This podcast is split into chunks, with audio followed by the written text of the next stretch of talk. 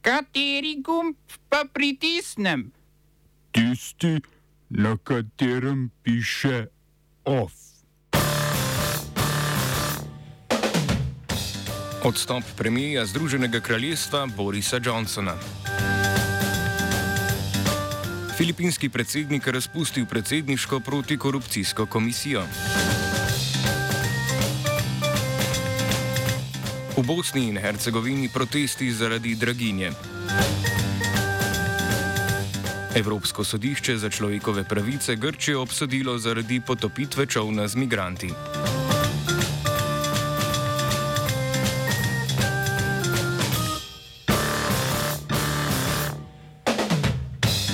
Britanski premijer Boris Johnson je odstopil z položaja predsednika konzervativne stranke.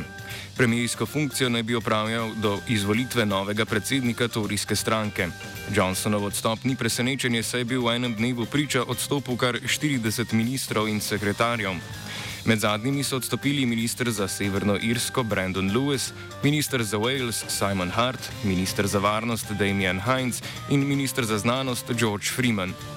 Stranka je dokončno izgubila zaupanje v Johnsona, potem ko je priznal, da je vedel za obtožbe o spolnem nadlegovanju Krisa Pinčerja, ki ga je februarja imenoval za vršilca dožnosti glavnega biča, ki v parlamentu skrbi za enotno glasovanje poslancev vladajoče stranke.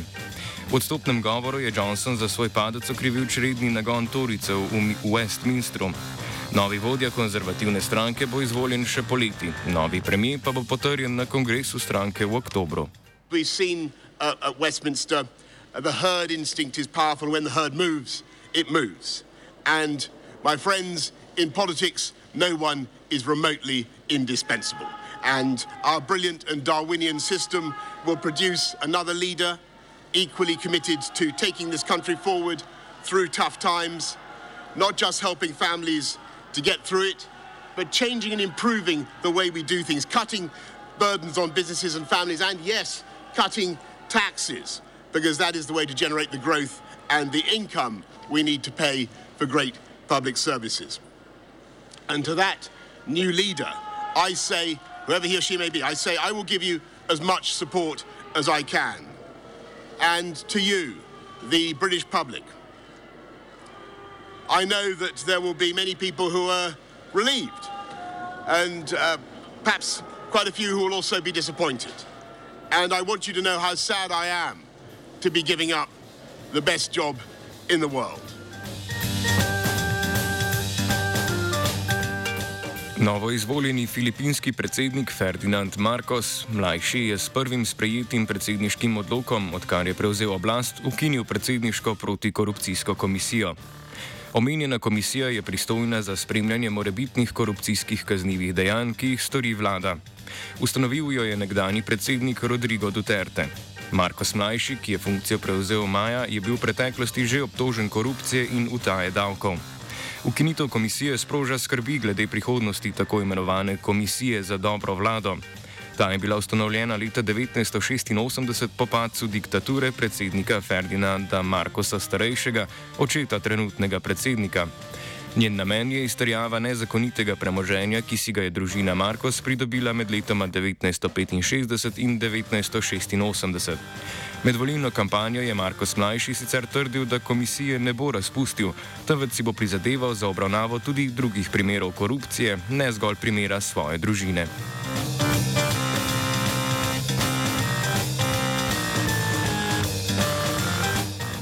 Šrilanka je Rusijo zaprosila za dobavo goriva in obnovitev turističnih letov med državama.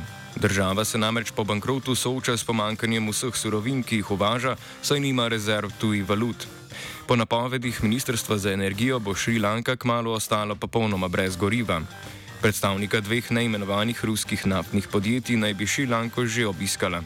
Ruska letalska družba Aeroflot je junija odpovedala vse lete v državo, potem ko je Šrilanško sodišče zaradi spora o plačilu storitev za krajše obdobje zadržalo letalo iz flote prevoznika. Tako Rusija kot Ukrajina sta bili pred začetkom ruske invazije eden glavnih turističnih trgov otoške države. Ponovna vzpostavitev letov in s tem obuditev turizma bi po mnenju predsednika Gotabaje Rajapakse pomenila eno od strategij za reševanje gospodarske krize, v kateri se je znašla Šrilanka, saj bi tako država pridobila tuje valute.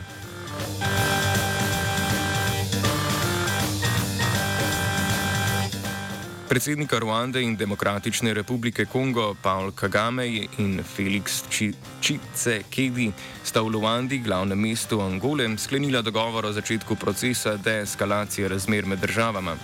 Kot medijator je z mandatom Afriške unije enodnevnim pogovorom prisostoval angolski predsednik Joao Lourenço. Ruanda in Demokratična republika Kongo bosta oživili meddržavno komisijo, ki bo v Luandi začela delovati 12. julija. Odnosi med sosedama v Srednji Afriki so se zaostrili v sredini prejšnjega meseca, ko sta druga drugo obtožili čezmejnega izstreljevanja raket. To je sopadalo z napadom na Bunagano, mesto na vzhodu Demokratične republike Kongo in zauzetjem mejnega prehoda z Ugando, nadzor nad katerim je prevzela kongovska uporniška milica M23.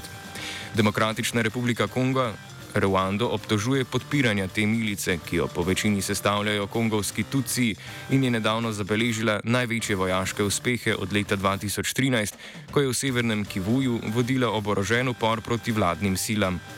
Nasprotno, Rwanda Demokratični republiki Kongo očita, da sodeluje z uporniki, ki so domnevno sodelovali v ruandskem genocidu leta 1994. Da bi preprečili izbruhe nasilja, je vzhodnoafriška skupnost konec prejšnjega meseca v Demokratično republiko Kongo napotila regionalne oborožene sile, vendar v njej ne sodelujejo pripadniki ruandske vojske.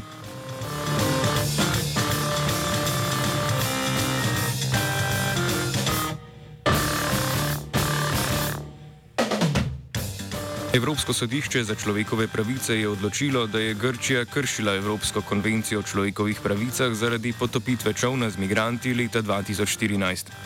Grčiji je bila tako naložena denarna kazen v višini 330 tisoč evrov za škodo, ki so jo utrpeli neustrezno obravnavani. V nesreči je življenje izgubilo 11 ljudi, med njimi 8 otrok. Preživeli so trdili, da je bil potop čovna v Egejskem morju krivda grške obalne straže, ki je plovilo z veliko hitrostjo vlekla proti Turčiji. Evropsko sodišče je odločilo, da grški pravosodni organi niso ustrezno preučili upletenih oseb, ki naj bi po grškem stališču odgovornost za izgubljena življenja nosile same. Grško sodišče je namreč za brodolom obsodilo begunca iz Sirije, ki je vozil čovn z migranti. Sodišče mu je izreklo 145 let zaporne kazni in 570 tisoč evrov denarne kazni.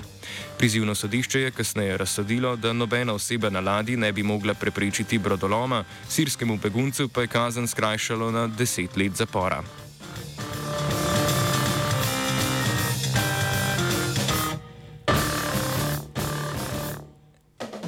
Bosno in Hercegovino je zajel val protestov zaradi vse splošne draginje in stagnacije plač. Protesti so potekali v mnogih mestih po državi, najbolj vidni v glavnem mestu Sarajevo. Protestniki od vlade zahtevajo zaizitev dviga cen osnovnih življenjskih potrebščin in ustanovitev programov za pomoč socialno najbolj ogroženim. Med zahtevami je odprava trošarin na goriva, dokler se cena na liter ne vrne na 2 marki in 20 feningov, kar je približno evro in 10 centov. Protestniki prav tako zahtevajo umik davka na dodano vrednost za osnovna živila ter znižanje in omejitev trgovske marže na zdravila, živilske in druge izdelke. Opozorili so tudi na problem preniske minimalne plače, ki znaša 1300 konvertibilnih mark oziroma 665 evrov.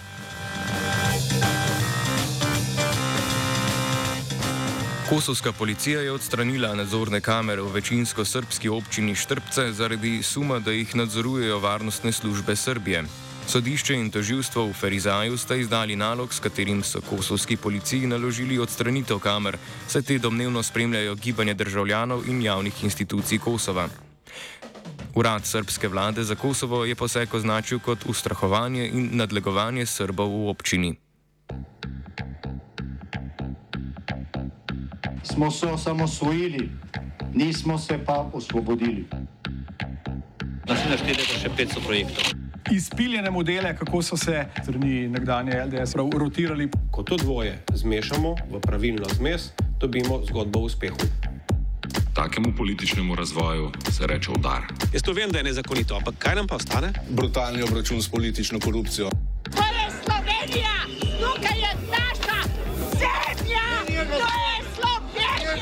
Slovenija! Slovenija! Mandatno-volilna komisija državnega zbora je za člana programskega sveta Radio Televizije Slovenija podprla Alenko Sivka in Branimirja Pijana. Komisija bo državnemu zboru predlagala, da Pijano kot član programskega sveta RTV do konca štiriletnega mandata, ki se izteče 28. aprila 2024, nadomesti Nastjo Flegar, ki je podala odstopno izjavo. Odstopno izjavo z mesta člana programskega sveta RTV je podal Mitja Čander, na mesto katerega je mandatna volilna komisija predlagala Alenko Sivka.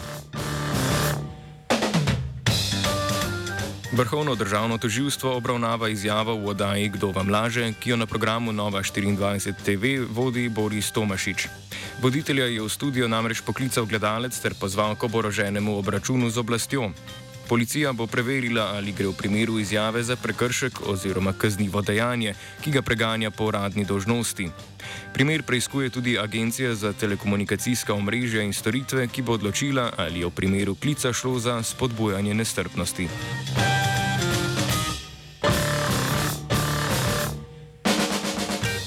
OF je pripravila Tija.